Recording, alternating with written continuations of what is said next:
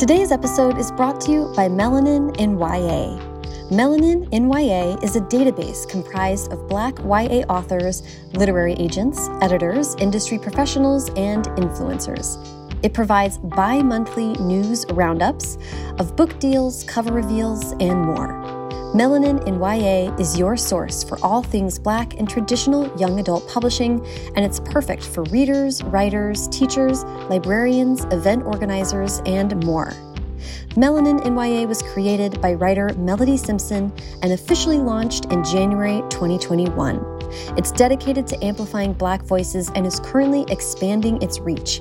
So, to find out more, visit melanininya.com or follow on Instagram at melanininya or on Twitter at melanin underscore YA.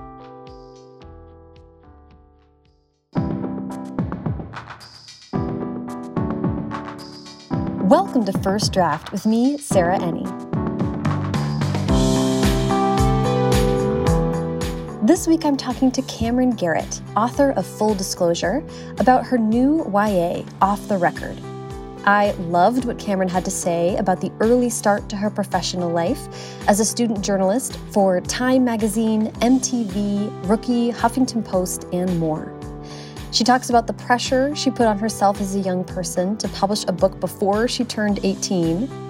And she talks about taking on big, difficult topics in her work, like people living with HIV and the Me Too movement. And she gets real about the challenge of being a college student in quarantine. If you'd like to support First Draft, a quick and easy way to do that is by subscribing to the podcast wherever you're listening now and by leaving a rating or review on Apple Podcasts. You can also go to the website, firstdraftpod.com, to check out the show notes for this episode and every episode, which has links to everything the guest and I talk about. First Draft is an affiliate of bookshop.org, so when you buy books through the links on the website, it helps to support the show and independent bookstores at no additional cost to you. You can also sign up for the First Draft newsletter at firstdraftpod.com to make sure you never miss an episode and to hear about news and upcoming events. It's also just monthly, so it won't be spamming your inbox, I promise. Okay, now, please sit back, relax, and enjoy my conversation with Camryn Garrett. So, hi, Camryn, how are you today? I'm good. How are you? I'm doing well. I'm so excited to chat with you. Um, I was such a fan of Full Disclosure, so I'm really excited for Off the Record, your new book. Um, but before we get to, to that, your publishing career, I want to go all the way back to the beginning and hear about where you were born and raised. I'm from Long Island, so I grew up there and I was born there.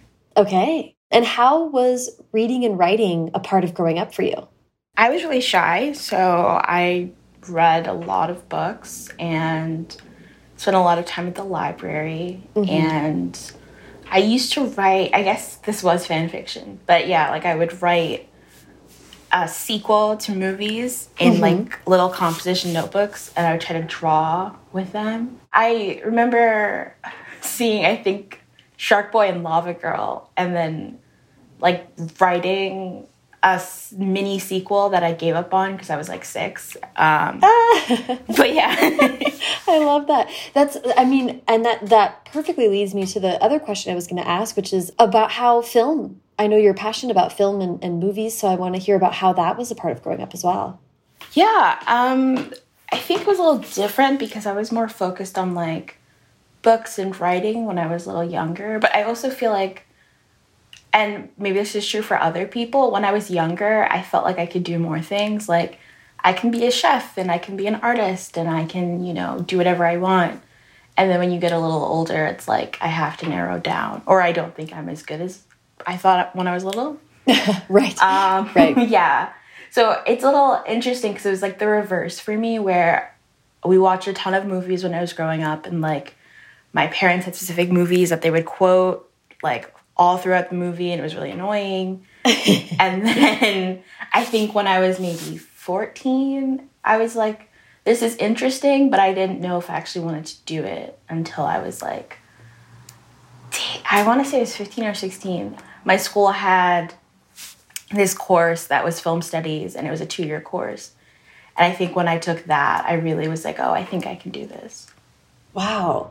That's, and you know, what you're saying reminds me of, I feel like I'm conflicted about how early we ask young people to narrow down their, mm -hmm. um, like what they're allowed to be passionate about. It feels, I always feel sad remembering that when I was like 13, I was like, I'll never be a professional soccer player. it's like, well, no, but also, yeah, everyone who's professional soccer player is basically doing it from the age of 5 mm -hmm. on, and they're doing almost nothing else. So I don't know. I, it's such a, I wish everyone could do everything until a certain age, but you're right. At some point, you do have to start really focusing in on what what comes naturally to you a little bit. Yeah. And I think I know like a group of other writers who started as teens. And it's like, on one hand, I think our society puts too much pressure on doing things as a younger person. You know what I mean? Mm -hmm. Like with mm -hmm. 30 under 30 lists and like the idea that if you don't succeed before a certain age, it doesn't matter. But mm -hmm. I think talking to my friends and then also my own experience, I think there was this sense that because most of us are people of color and most of us are either women or genders that aren't men like we mm -hmm, were like we mm -hmm. have mm-hmm. to start younger if we're gonna break in because it's so hard and mm -hmm. i think that kind of connects to what you're saying about soccer players where it's like there's this sense that if you want to be in a competitive industry you have to start younger and younger and mm-hmm. i think it's really stressful and scary yeah it is really stressful and scary and that's i mean I'm, and that this is kind of reminding me i read an article where you wrote or or where you said that you had had the goal of being published before you turned 18 i mean talk about mm. pressure. I put it's so interesting because i put so no one like i remember writing in middle school and talking to my homeroom teacher and saying i'm so stressed like i have to finish this draft. And she was like why? Like are you giving it to someone? And I said, no. she said, like, is it due somewhere? And I said, no. And she was like, so I don't understand why it has to be done right now. Mm-hmm. And that's sort of what I was like, you know, until I think 17, because mm. I just put so much pressure on myself. And my parents didn't put pressure on me. Like, I had a book that didn't sell when I was like 16, and I was like, my life's over. And my mom was like, what? Like, what's wrong with you? Um, so I don't know if it's like a an innate thing, like I'm just like that, or if it was like a societal thing. I don't know. It's hard to tell. Yeah, that was that I was going to ask about that because I do think, you know, some I think that some people put a lot on college because when they're young mm. they feel like nothing can nothing can happen until they're after 18 and you had kind of internalized the sense that if you hadn't already started something by the time you were 18 you'd be kind of pushed to the margins or unable to get there which is yeah yeah i think i think you're right to say there's got to be a blend of inherent ambition and then seeing how difficult it can be for yeah. especially as you say intersectional women to to break into the industries that are really competitive, like film and TV and books. Mm -hmm. Do you mind talking about how you kind of gave yourself a little bit more permission to uh, to uh, to take your time? And I'm still sort of not struggling, but remembering that because I'm going through something sort of similar. And I think I stopped writing for a little bit and mm. was just like going to school and reading and hanging out with my friends. And I think the idea came to me, the idea for full disclosure, mm. and it felt very self indulgent, the same way that my second book actually did. And I was like, I just have to write this, like, it'll be so much fun, it'll be so cool. And I had so much fun writing it. And I think that's when I was like, oh, I want to write again. Like, before I had thought, maybe, you know, I should wait until I'm older and I don't need to do this right now. Mm -hmm. And then I wrote the book for fun. And after I'd written it, I was like, I love this so much that I want to do something with it. Interesting.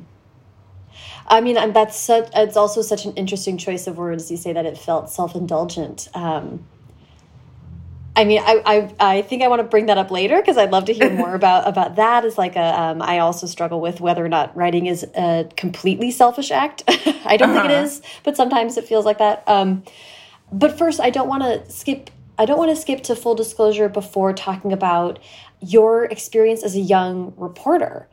Uh, do you mind telling us about the time for kids and your your? I think you were 13 when you got a pretty amazing opportunity.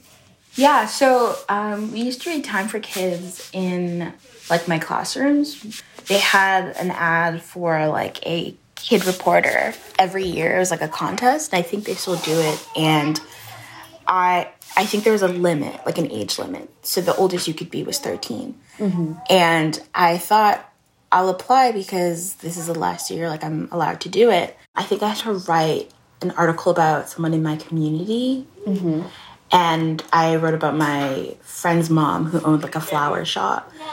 And I won, and it was really cool because they sent me for a year to different events. So I went to a press junket for Frozen before it came out, and um, got to interview Idina Menzel and Kristen Bell.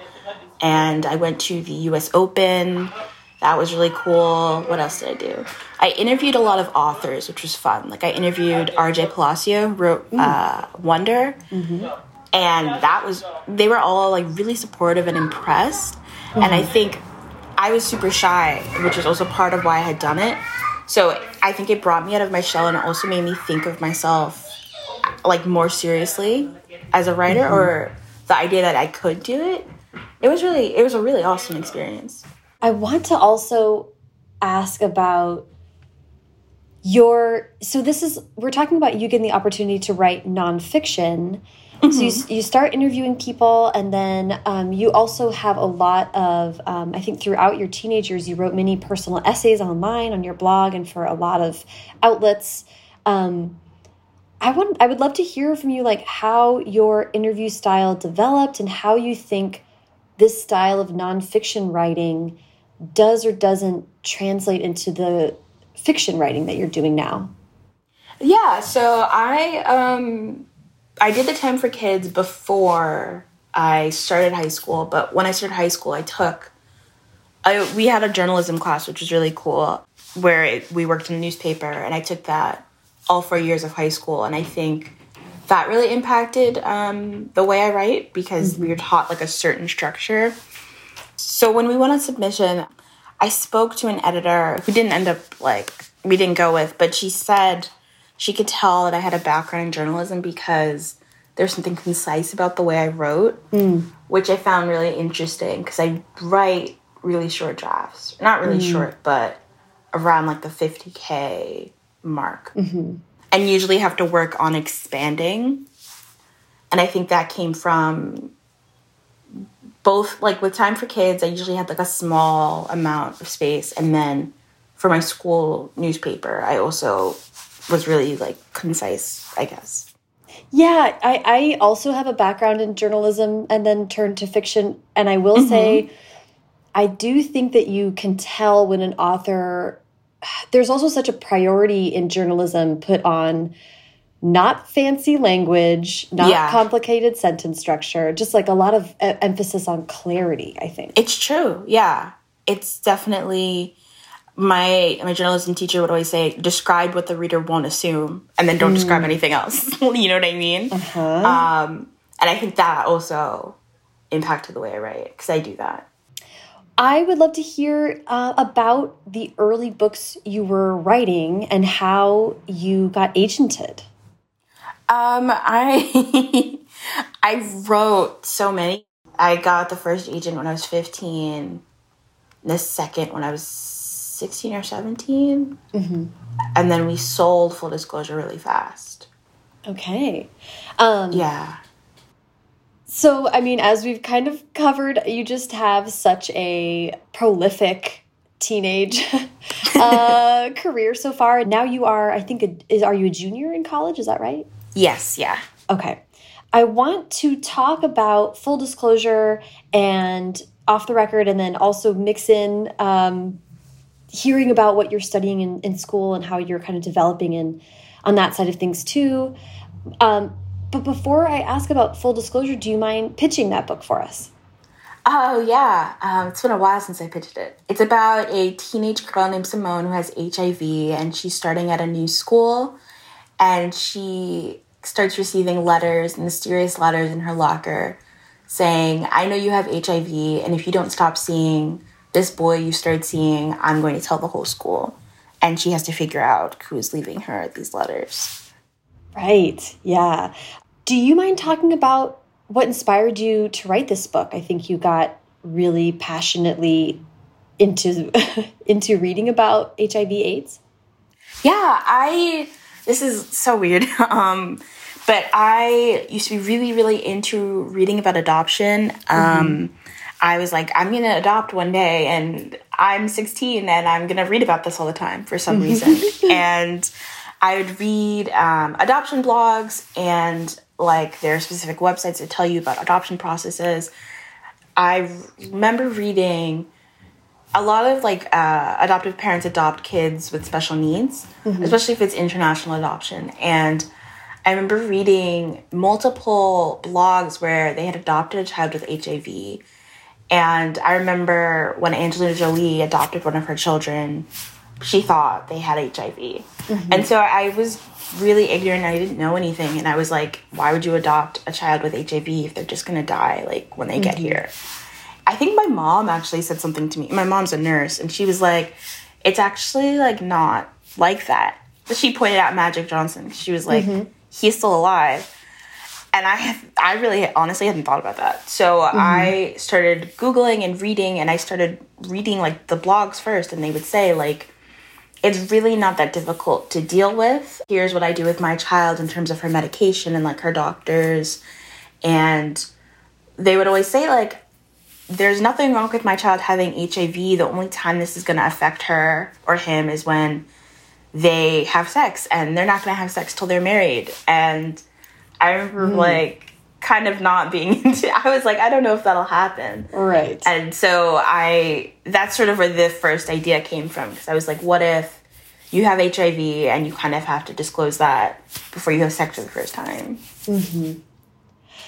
Yeah, what I I I want to dive into the draft in a second, but I'm just so curious about what you know. Obviously, you were we were thinking about adoption, and that's how you got here. But you've written a few articles about your really extensive research into HIV/AIDS at that time. I'm just wondering if you what you think about what made you so drawn to this as a subject matter, and and and obviously, it's really affected you.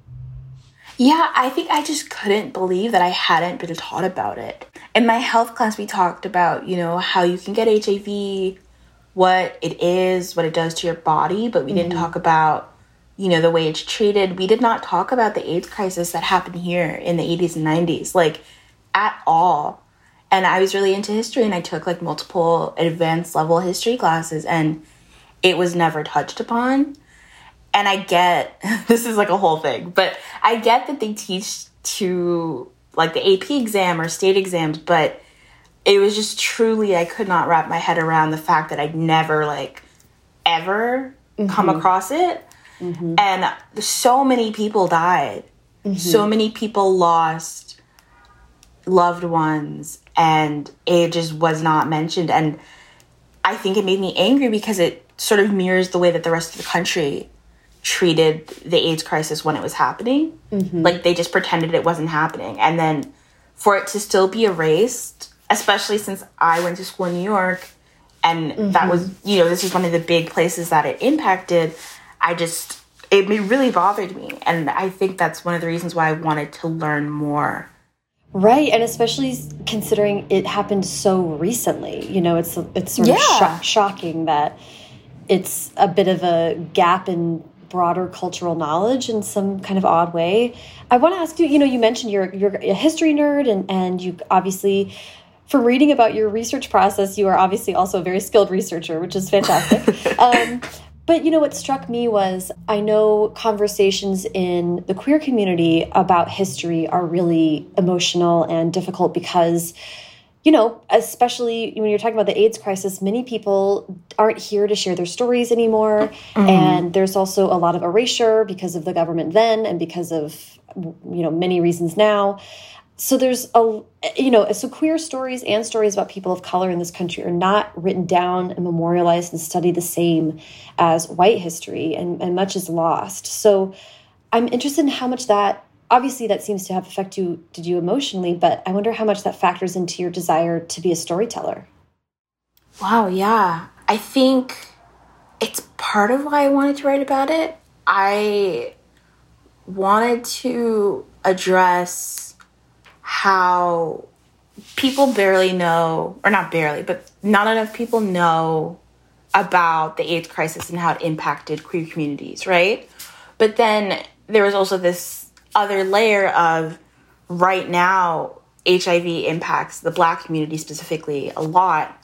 There are really high rates of black people with HIV, and that's not talked about either. Like, if the mm-hmm. queer community isn't talked about, the black community talked about even less.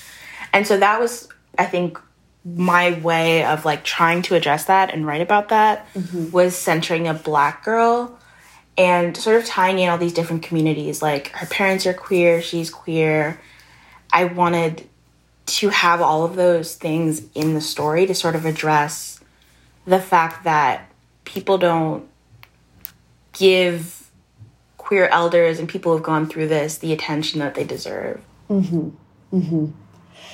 Yeah that's and that's an incredible um, rich emotional place to come from as a storyteller that's also taking a lot on especially a, de a debut book. I mean that was just that did you feel a lot of pressure about that or did you feel invigorated by that as a challenge or how did you kind of think about that? I feel like the research pro like when i wrote the first draft a lot of the research was like what are the day-to-day -day, you know things that people with hiv deal with mm -hmm what is it like to be a kid with HIV? And then as I went like from draft to draft, I did more and more. Mm -hmm. And I think it was by the time I was like really entrenched in like all of this queer history, I was nervous, but I was also like, oh, I have to do this mm -hmm. because this is so important to me and because I want people who are my age to know more about this, especially since so many of my friends are queer or like questioning and sort of discovering their sexuality.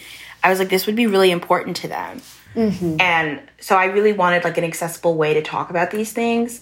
And the book isn't super into like the AIDS crisis, but there's like a list of resources in the back. Mm-hmm. So I was really hoping that people would go and like read books by people who had actually been there and like watch documentaries.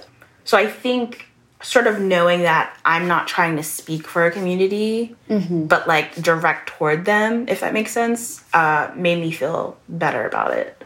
Yeah, yeah, I love that. I do want to ask about about the process of writing the book. You said it, it was self indulgent. I think I think you also did. You write it for NaNoWriMo? I did. Yeah. Yeah. Can you talk about what what was that like? I wrote.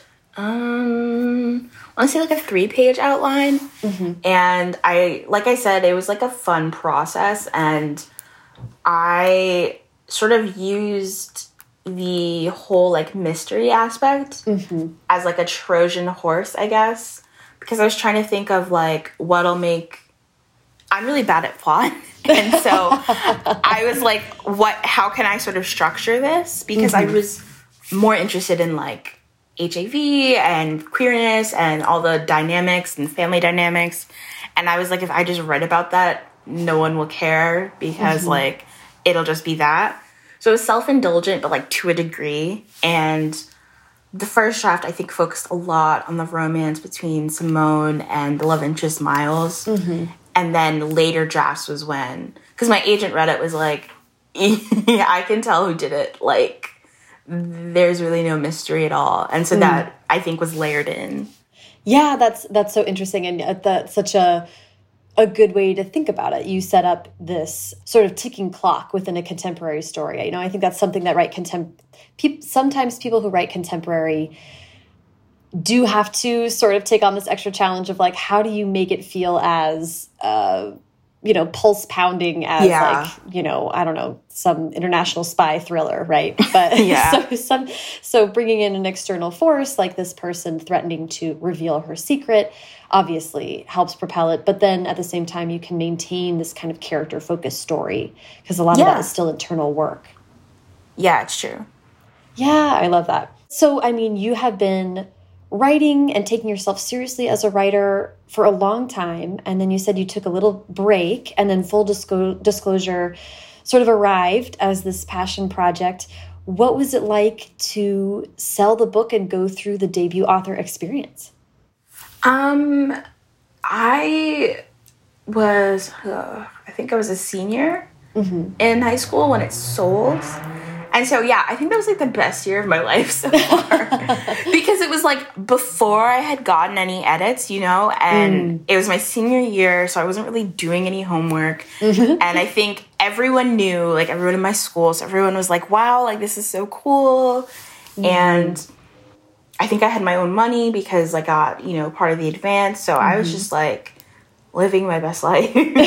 um, I think one thing that I hadn't anticipated was I was like worried by the edits. And what I mean is like they were good edits, but I was mm-hmm. like, if I didn't come up with this all by myself, am I really like the writer? Do you mm. know what I mean? Oh, interesting. I was like, I should have come up with this all by myself. And the fact that, you know, she's shaping this book so much means that I'm not a real author. Huh. I that that was like the idea I had because I was like, there clearly must be something wrong if you know it has to go through edits like this. And mm-hmm. I don't really know how I got over that. I think talking to other authors mm-hmm. and hearing like how rough their drafts were. Oh boy, yeah. yeah. Certainly not alone in that experience, yeah. Yeah, and just realizing like this is what editors do. Mm-hmm. And it and it just I think just learning like how many people work on a book mm-hmm. and how long it takes to put the book together and realizing that it's not just the author. I'm so interested that you had that per, that perception as well, considering that you had obviously spent many years already being edited and working with editors just in a nonfiction environment. Yeah, I I don't know why I thought of books like as a separate thing. Mm-hmm. I really don't know. Yeah. I guess because like with newspaper or Time for Kids, it was like going in a magazine with their name on it. Uh-huh, and right. so I was like, this is part of someone else's thing. Whereas mm-hmm. like the book, it like has my name on the cover and it like it has Random House on it, but I was like, this is me, you know? So mm-hmm. I think there was me putting pressure on myself, like this should be perfect. I when I first started writing, I had that tr- issue because I kept comparing what I was writing to like actual published books. Mm, right. Not not right. like recognizing how many like rounds of edits it had gone through. Mm-hmm. And that would make it really really hard to finish a draft. Oh god, I can imagine. Yeah, that's that's Yeah. And you know, this is one of the I'm pretty pretty passionate personally about um trying to rip the veil away um, and take away some of the opacity of the publishing process because like you're saying this was a lot of pressure. You were putting on yourself and you didn't have to. Yeah. Yeah. So i i love that you had sort of the ultimate senior year. That is incredible. Yeah uh, uh, what was it like to you know then you have this amazing experience a debut novel. Then I'm just trying to put myself in your shoes. You have a second book in that contract and you're going to college. We all know mm-hmm. second books are really hard and a whole different animal. And then going to college is unique to everyone, but a wild thing. Um, what was that experience like? So I I feel like a cheater, but I wrote the first draft of my second book before the first book came out. Oh, smart. Which, yeah, which I like I hadn't planned it out like that because I actually had another book that I'd written and I said I want this to be my book too and my agent read off the record and was like, "Oh, this is so much better." Basically, oh, funny. Um, she said you should really go with this because it's timely and it's it's good. Mm-hmm. I had written again. This was self indulgent, and what I mean is like I was really into film and journalism and the way that me Too is being covered in the press. Mm-hmm. And so it was me writing about these things that I thought were super interesting. And I think I wrote the draft and I didn't think about it for a while. And then editing wasn't that bad, I want to say. It wasn't that bad. Oh, good. I, yeah, I don't think it was that bad. I think the only hard part for me has been right now. um, with like promoting it and mm-hmm. then also trying to do school. Um, mm-hmm. And it wasn't this hard last time. um, really? And I don't know if it's like pandemic or mm-hmm. I don't know. I mean, I've spoken to my friends and it feels like last semester our professors and the school went easier on us and now mm. they're just like this is normal like deal with it right it's right. Yeah, so it's a bit it's a little hard. When the first book came out, like I told everyone about my first book. Mm-hmm. And I haven't told anyone this time around about the book or about my writing career at all.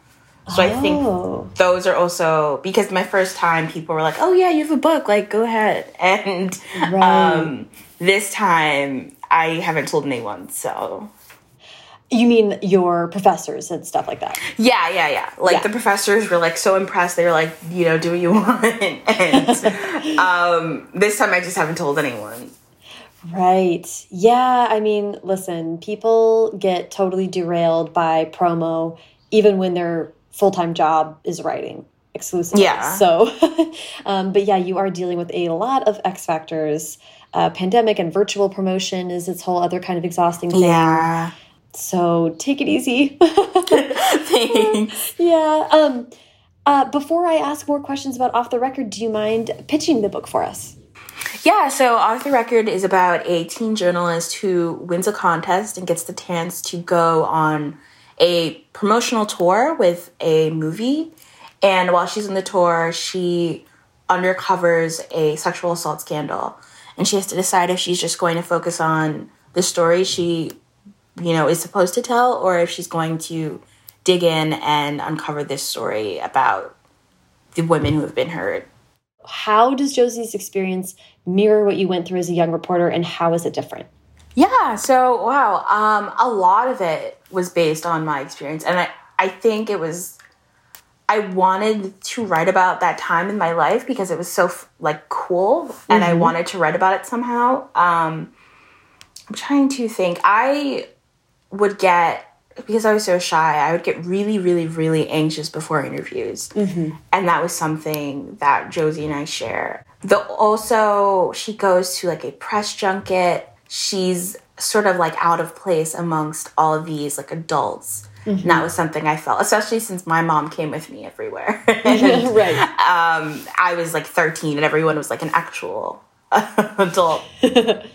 Early on, Josie has the experience of being, you know, kind of the only young, the only girl in a room full of adults who are sort of jaded journalist types. Yeah. uh, and then later, she has the experience of being in a real functioning newsroom as well. And yeah. I was so excited when I got to that part because I was like, oh, you know, Josie's uncovering this Me Too like story. And I was really aware while reading it, like, this is a very difficult kind of story, even for professional journalists. So I was so excited that you brought in this perspective of somebody who would be an editor for that kind of story at the New York Times or, or similar. Like it, it you really, yeah. and it was very realistic portrayal of like, how do you fact check this? How do you get into that? So I was really, I was nerdily excited about that part. Thank you. Um, I read a, what was it called? She Said by mm. Meg Twohey and Jodi Kantor, which was about their experience um, breaking their Harvey Weinstein stories, and that I was super nerdy about that. Mm-hmm. Um, so that sort of you know folded in. Yes, I was going to ask if you had read that book because it was definitely giving me uh, throwback vibes. And those uh, uh, two women are actually writing a YA version of that book, all about yeah. being an investigative reporter, which I'm so I excited about. Yeah. so that was on my mind as well when I was reading this, and I was like, this is great. Um, more teen reporters. I want to ask about, you know, Simone, in full disclosure, has a very different life experience from yourself in many ways, uh, mm -hmm. but mm-hmm. Josie has a lot of similarities. Did yeah. that make her any easier to write, or was it a little scary to get closer to home, or how did that feel? It was really when I wrote the first draft, it was fun. And then when we had to edit it, I was like, oh no. Because um, it was, um, I don't know, am I allowed to say something like personal? Oh, Oh, absolutely. Whatever you're comfortable with. Yeah. Yeah. So the first draft, I wrote Josie having this experience that I had that I couldn't really remember. Like, mm. I know in middle school there was a boy who used to make comments about my breasts, but like, mm. I know something happened where it like had reached a peak mm-hmm. and my mom had to like call someone, but mm-hmm. I don't remember what exactly happened. So I hmm. wrote that into Josie. Like I wrote something similar where like she knew something had happened, but she didn't remember it, mm-hmm. and no one would really tell her. And my editor was like, basically, like you should provide more detail, basically, mm-hmm. because she would sort of talk. Josie would talk about it really vaguely, and I wanted to base it on my own experiences, but I didn't remember them. So I was like, mm-hmm. let me just do this completely differently. But that was sort of like an instant where it was like, oh, this is going to be published, so I have to actually be edited. Do you know what I mean? Um, yeah, right. And that's, I mean, I thank you for sharing that because that's um, another thing I think many contemporary. I'll just speak to, to my experience writing a contemporary story. I, I wrote about it's hard to write a contemporary story and have it be so close to home and then be edited yeah. and have someone say this isn't believable yeah and i mean i i think my editor's great my my, my editor's awesome and i didn't mm -hmm. say this to her so this might be a little weird if she listens to it um, but i didn't tell her about that because i was like oh like i also josie has sort of this struggle where she's like, I don't really know if what happened to me counts as like mm. sexual harassment or sexual mm-hmm. assault. And that was something that I also struggled with. I was like, mm-hmm. I don't even remember this, so I don't know what it is. So I feel weird, you know, emailing her and being like, I actually want to do this because this happened to me, but I don't know what it is. So I was like, right. I'm just not going to touch it. Mm-hmm. And I think that is well part of why my first book was about an experience that wasn't mine because right i think it can be really hard when you're writing so personally mm-hmm. because not everything that happens to you makes sense mm-hmm. to other people and it, even if it makes perfect sense to you could not agree more with that sentiment and it's and it's hard to you know i wonder how you felt about about this as you were writing like it's also hard to answer you know your personal life shouldn't be up for review on Goodreads, you know? Like Well, yeah. Uh, I mean that's that's a a challenging position to put yourself in as a writer that you want to share and really mine your own life and work through things through your fiction. That's the point of mm -hmm. this as an art form. But where the rubber hits the road is that then people can approach it and give feedback that is yeah. not um, taking that into account, let's say. Yeah, I remember oh God, I don't remember the book. But I remember there was a book and sexual assault was a big piece of it. And on Twitter, people were saying for some reason that like the woman who wrote it hadn't actually gone through something like that. And I forget why. They were like, the way she writes about it isn't convincing or something. It was so weird. Mm. And I was so uncomfortable. Like, one, why are you it, it, it, the whole thing just made me so uncomfortable. Mm -hmm. And mm -hmm. when I wrote this and I realized, you know, it's going to be published, I was worried because I was like, are people going to, you know, ask me, has something like this happened to you? And I'm, am I going to have to, you know, try to make sense of my experiences on Twitter, you know? Mm -hmm, right. Um, but I, I mean, my editor and like everyone at Knopf is really cool, and we I don't think they would ever expect me to do something like that. Mm -hmm. And so far, no one has said anything about it. But I really don't think you should have to bear some parts of your soul just because you wrote about something. This is kind of sad, but at this point, I do assume that most women have gone through something like this. Right. So yeah. I, plus the fact that it's really traumatic. So, like, I'm not gonna, why would I ever, you know, ask someone I, I, I just find it so presumptuous in a really mean way to say this doesn't sound accurate to me um, right. about this really, you know, tough topic to write about. Yes, yes, I think that's that's so well put and um, important to keep in mind. And part of what made Josie's conversation about that in the story so important, um, it felt really, it felt uh, me as a reader, I felt really validated by hearing Josie talk that out about does this count or is this as important? Having characters in the book all sort of address that explicitly and um, mm -hmm. make room for everyone's experience. Um, that was really well done. I'm um, glad. Yeah, you know, and, and, and a related question I had for you was, you know, Josie is trying her best to do a good job and be a good person. but of course, she is a character in a novel, and so she makes mistakes, and there is conflict about that. And, you know, that's kind of oddly hard to do as a writer right now. I think, especially when you're talking about young adult stories, people sort of want to hold up young adult stories as examples or mm -hmm. perfect characters in a way that is sort of just not even the point of literature. So I'm just curious about what you thought about making Josie a well intentioned but very flawed person. Yeah, I would argue that I don't just see that in YA, I see that a lot. This is kind of not related, but it is related, where um, Taylor Swift had tweeted about that show on Netflix, I think Ginny and Georgia. Mm -hmm. And um, someone made like a sexist joke about her on the show. Mm -hmm. And I get the frustration, but I also, the conversation that it, you know, created was like, no one should be saying anything bad on a TV mm-hmm. show. And I was like, but if you watch the show, the character who says it is kind of a jerk. like, right. she's kind of a pain. Like, mm-hmm. she.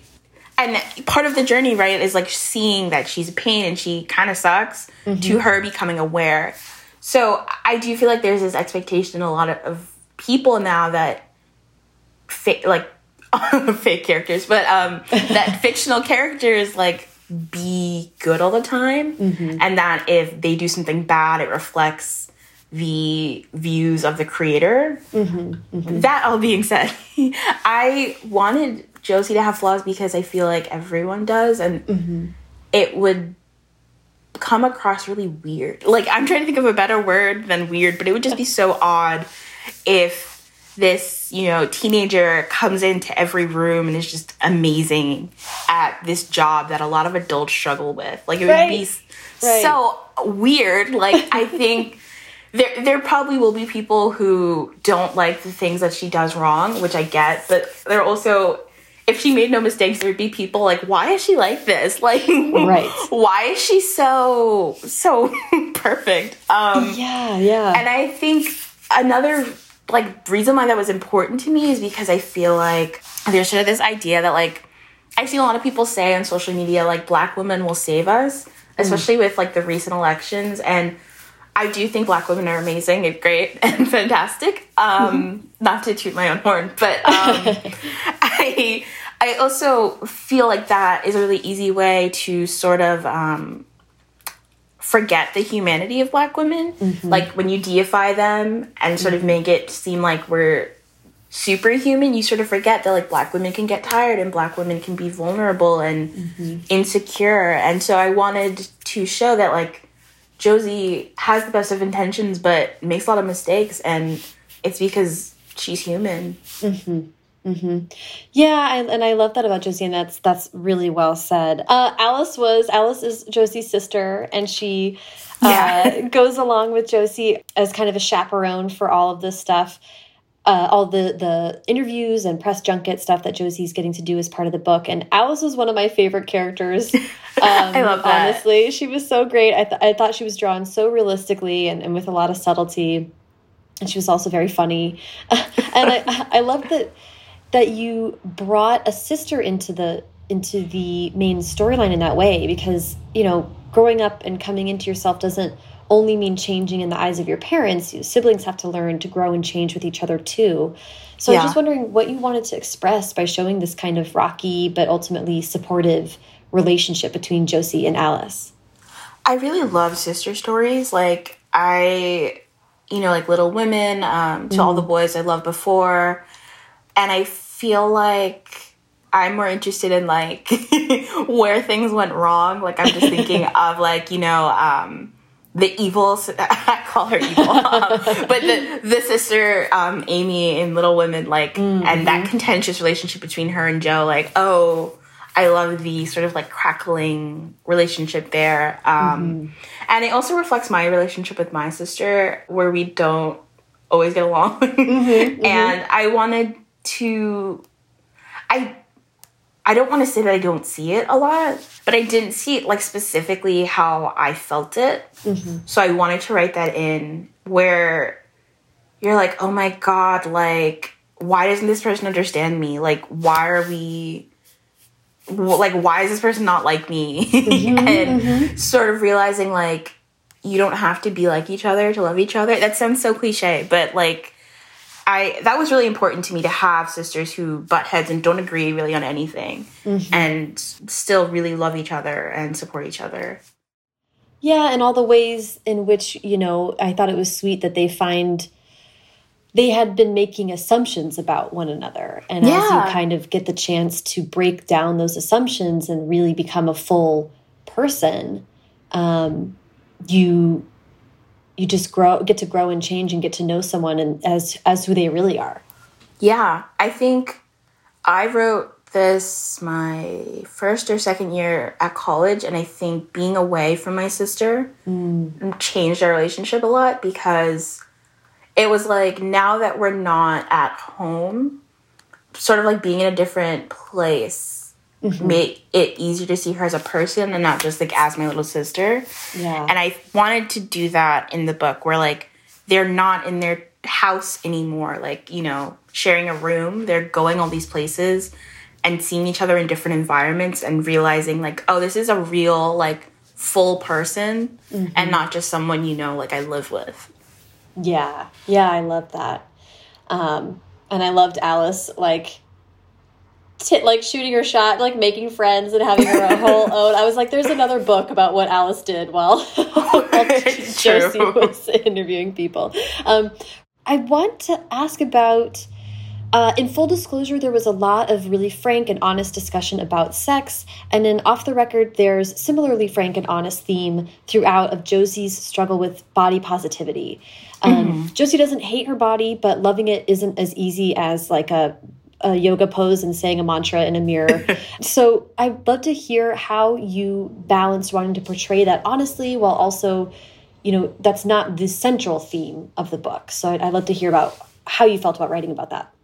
Yeah, I feel like with both of my books, I have like a lot of things going on. And some people don't like it and some people do.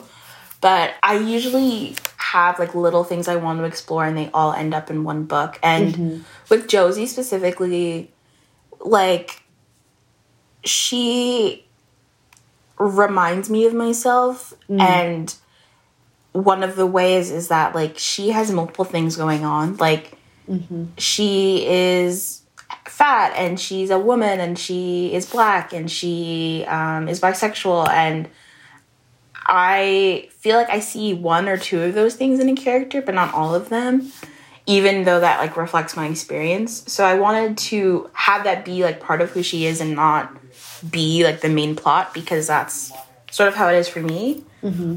Specifically, I wanted to write about a character who doesn't hate her body but who has a hard time loving it mm-hmm. because that's that's where I was when I wrote this. I think I was 19 when I wrote this. Mm-hmm. And I saw characters who loved their bodies and who were fat, and I was, I really loved those books. They're important for me, but I was like, that's not quite where I am. Mm-hmm. And I don't think it's bad if you don't super love your body, but if you're, you know, I want to see a character who's trying, but has a hard time when she sees like a Weight Watchers commercial or, mm. you know, when she can't fit into clothes at a store because those things are rough. And I kind of wanted to write someone who could commiserate with me, if mm-hmm, that makes sense. Mm-hmm. Like someone who would get it. And so I wrote Josie. Yeah, I love that. And, and again, with the sisters, there was a lot of of supporting each other, but not, you know, they couldn't really understand where she was coming from. I just thought it was done so well. And I can see so many readers really connecting with how Josie kind of talks to herself about it. Yeah. Yeah. Thank you. Yeah. Um, I, I do want to ask about the about the Twitter headings. Yeah. Uh, Josie is a prolific tweeter. She's pro prolific on Twitter, as as are you. Uh, the, Sadly, yeah. uh, you're a good follow, as as they say. Um, what uh, what made you think of Josie being a Twitter person, and what made you think of putting fake tweets as the headings on all the chapters? Yeah, so I um wanted to I think I'm a lot more outspoken than Josie. Um but one of the reasons why I started like being on social media when I was younger was like I didn't feel like anyone was listening to me. And I sort of wanted to explore that. The thing with Josie is like she doesn't really speak to people, so it's not that they're not listening.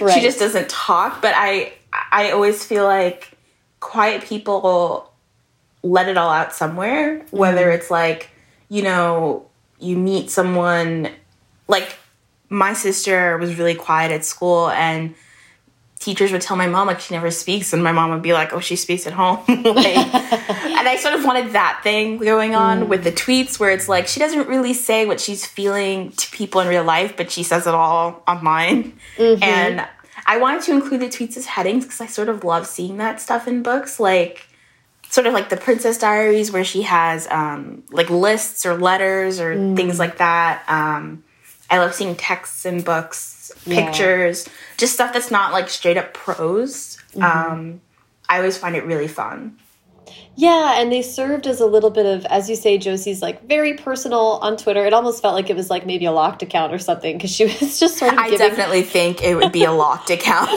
yeah oh, she was sort of giving a, a blow by blow as the day went on, and um, and it gave us such an interesting perspective. Like as a reader, I was like, I see, and he, I, like I'm in Josie's head and going through this with her, and then you're sort of seeing this other layer of Josie about how she would choose to process and put that her feelings about what's going on out in the world. So it was it was really fun and it's it's fun to have anything besides just a number at the top of a chapter. So yeah um yeah, I loved it. Um well gosh, I really want to ask about your year and how you've been um I have I don't get the opportunity to talk to too many people who are in school while pandemic has been going on and you've you've been writing and dealing with the sort of being uprooted and having to go to school in this whole different way.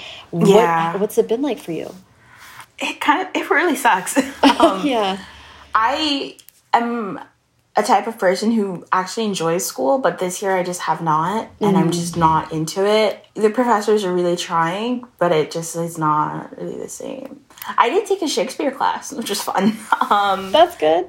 yeah, but mostly I'm just like, oh, like, what's the point? And which sucks because school's almost over. I like it. Um, I've had a hard time writing. I've written like several first drafts and then just not gone anywhere with them because I'm like, oh, I don't really like this. And I think I wrote it just to say like I was writing something. Um, and then when I look at it, I'm like, oh, I don't want this anymore. um, but yeah, that's sort of been my my struggle. I've written a lot of short screenplays. Oh, that's and good. yeah, that's fun. But I haven't written. It's so odd for me. I like tweeted this. Like, I planned out my life up to like the end of college, including like which books I'd publish. And Mm-hmm. Oh my gosh. yeah, and now I don't have that. And like I pre-wrote books, and what I mean is like full disclosure, I wrote in high school. Off the record, I wrote my first or second year of college, and then hopefully my third book I wrote, I think senior year of um, high school. So it's like I knew which books I wanted to do, but now I don't have any plans or any like pre-written books. So I'm kind of like, oh, this is this is what like normal people do. Well, you know what's funny is it sounds to me like you're almost having the second book experience now. I know, I know. My friend said that to me, and it, it's not fun. I don't, I don't like it. Can confirm, not great. Yeah, Uh, it is not fun. And I haven't like completely stopped, but I'm not like working on something that I know is going to be published, if that makes sense. So it's this weird feeling. Like it's kind of freeing and I'm like, oh, I can do what I want, but I'm also like I miss having a plan. Um so I guess it's like my gap year of writing.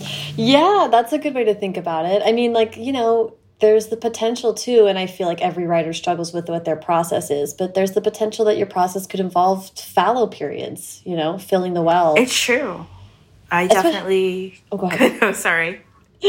No, I was just going to say, especially since, and I do want to hear about what what you have or what you hope to do on the the film and and television side of things.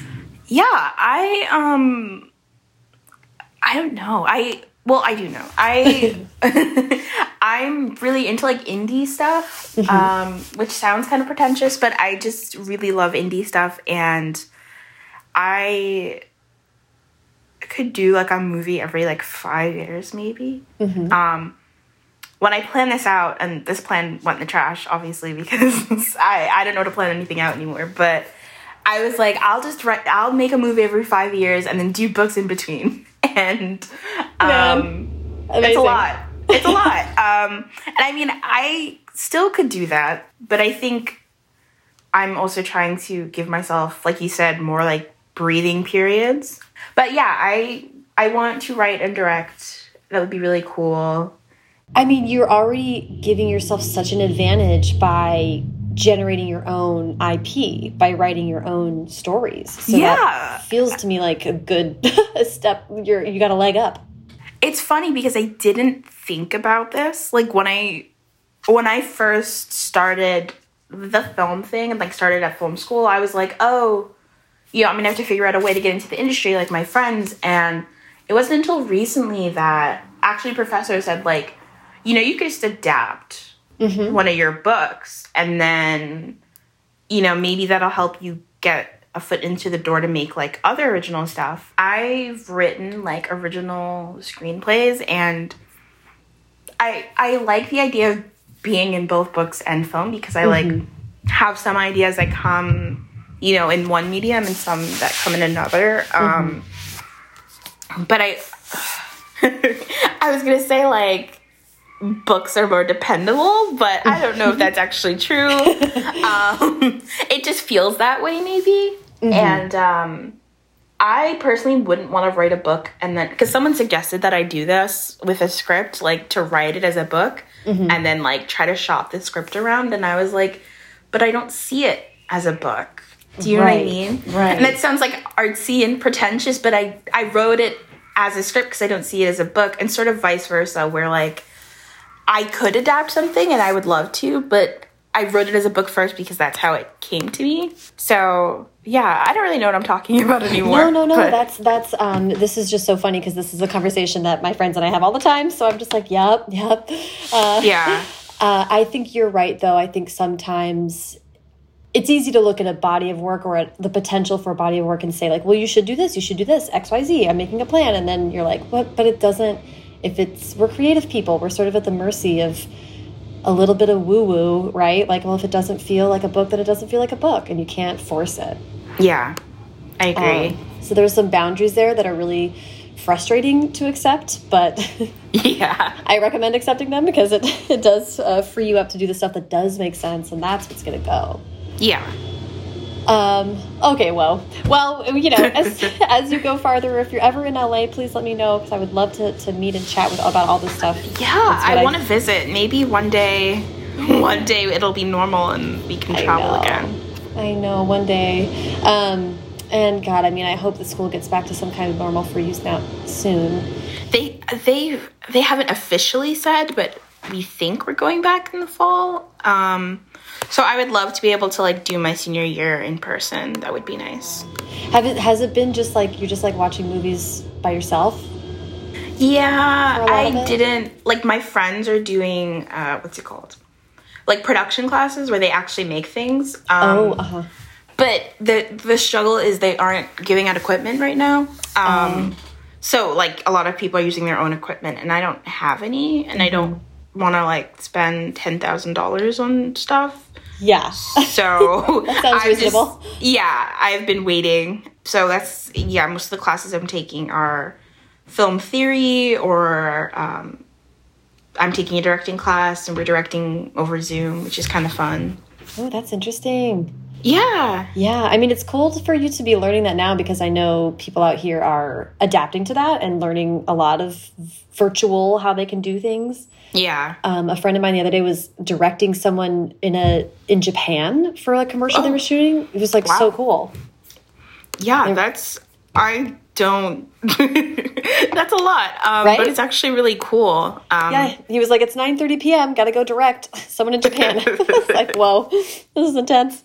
Yeah, um, that is intense, but it's cool. I mean, my professor keeps saying this is how they do, or this is how it's moving in the industry. So, I I believe her. Yeah, they're they're saving a lot of money doing it, and that's how you know mm, it's going to stay. Yeah, yeah. no, it makes sense. Yeah, yeah. Um, oh my gosh, Camryn, this has been such a delightful conversation. Thank you for going fully off the rails with me and for answering so many of my questions. Um, I do just love to wrap up with advice. So I would really love to hear from you if you do know of, um, if you have advice for someone who is a young writer, say someone in high school or a teenager who mm -hmm. is mm-hmm. very ready to take their writing seriously and pursue publication, what what advice you'd have for them? Oh, I would say that I don't want to sound discouraging. I think you should do what you feel is right, but I would remind you that publishing is a business. And once you decide to go the publishing route, it is like a job. And mm. Will shape the way that your writing goes. Like mm-hmm. your writing will become a job. And I don't think there's anything wrong with deciding that writing is just something you want to do for fun. I mm-hmm. would really sit and sort of try to figure out whether you're okay with your writing and your relationship to writing changing once you decide to go down the publishing road. And yeah. I don't I don't I sound like super like I don't want to sound discouraging, but I do I've had that conversation with lots of authors and your relationship to writing might not change, but for a lot of people it does because you're depending on it for income or because you know people are going to read it and review it. So I would just think really seriously about that. Yeah, I think those are very wise words. Also, can change your relationship to reading. It's true. When my first book came out, I I think I'm fine with my first book. I love it. Um, but when it first came out, it didn't hit the list, and so I kept reading books that had hit the list mm -hmm. and sort of being like, "Oh my god, what didn't I do right?" You know, and mm. there are so many reasons why that isn't helpful. Right. Um, oh, God, but yeah. it it kind of sucks to I'm fine now, but it really was annoying at the time to not be able to read for pleasure. Mm -hmm. So and I think some writers just never can. So I would think about that too. I sound so depressing. I um writing is no. super great. It's it's a great job, but I would just yeah, remind you that it is a job and you have to be professional about certain things and mm -hmm. that can be something that's kind of hard to wrap your mind around, especially when you're younger and you've never mm-hmm. like been in an official job.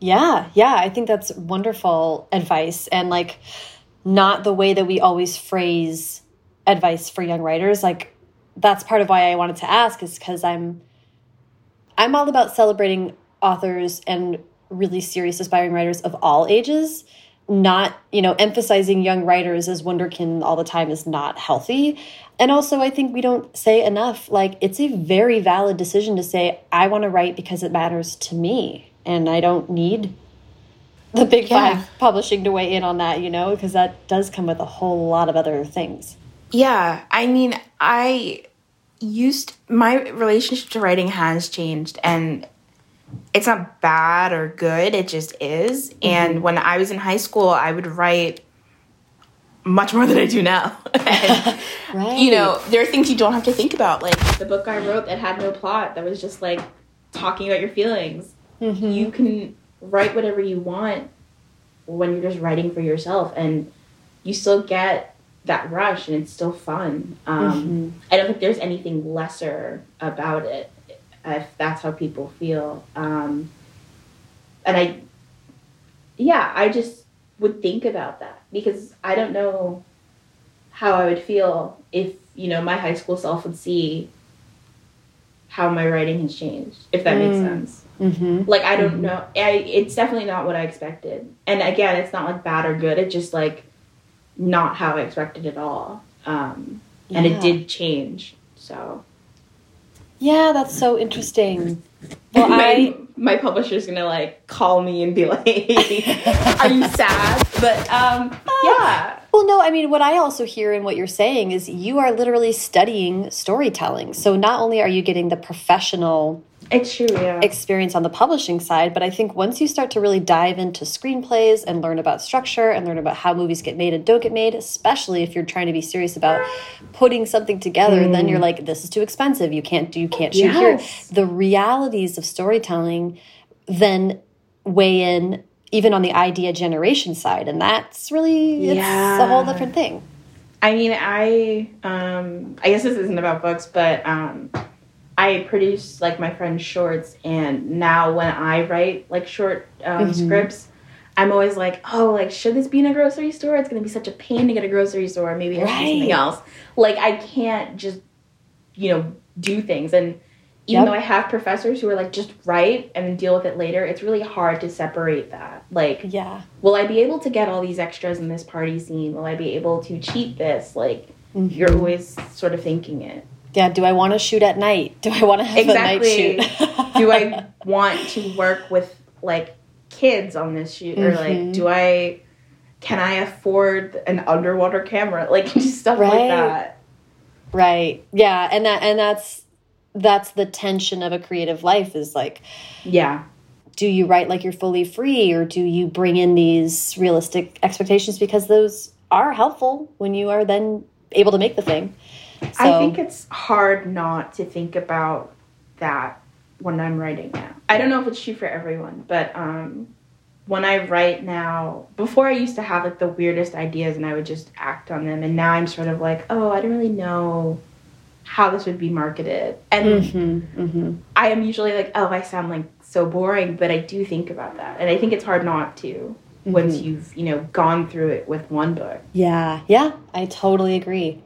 Um, well, I, I have had so much fun talking to you today, Camryn. Thank you so much for giving me so much time. You really, yeah, this is great. I so appreciate it. Um, and hopefully, we'll get to talk again in the future. Yeah, that would be great. Hopefully, I can come to LA. Yes. Um, once, I love that. Once we're free of the pandemic. Yes, once we can all go outside. Thank you so much to Camryn. Follow her on Twitter at Dancing of Pens and Instagram at Camryn G Writes. Follow me on both at Sarah Enni and the show at First Draft Pod. Thank you to our sponsor, Melanin in YA a database comprised of Black YA authors, literary agents, editors, industry professionals, and influencers. A resource for everyone involved in YA publishing, Melanin in YA provides bi monthly news roundups of book deals, cover reveals, and more. Check it out at melanininya.com or follow on Instagram at melanininya or on Twitter at melanin underscore YA.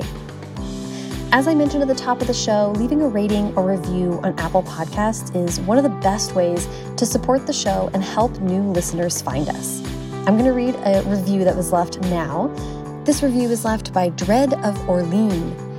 Dread of Orlean says, Thank you. I have been listening to First Draft for a while now. I absolutely love every episode. As a writer and a reader, I love how the podcasts make me feel a part of the writing community, which, let's face it, can seem really solitary at times. Thank you, Sarah, for bringing us this great podcast. Thank you so much, Dread of Orlean, for leaving that review, taking the time to do that. It absolutely, absolutely helps the show.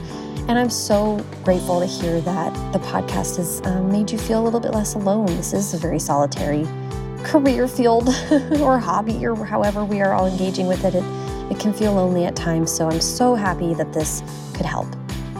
First Draft is produced by me, Sarah Enni. Today's episode was produced and sound designed by Callie Wright. The theme music is by Dan Bailey, and the logo was designed by Colin Keith. Thanks to social media director Jennifer Nkosi and transcriptionist at large Julie Anderson. And as ever, thanks to you, the young and the hungry, for listening.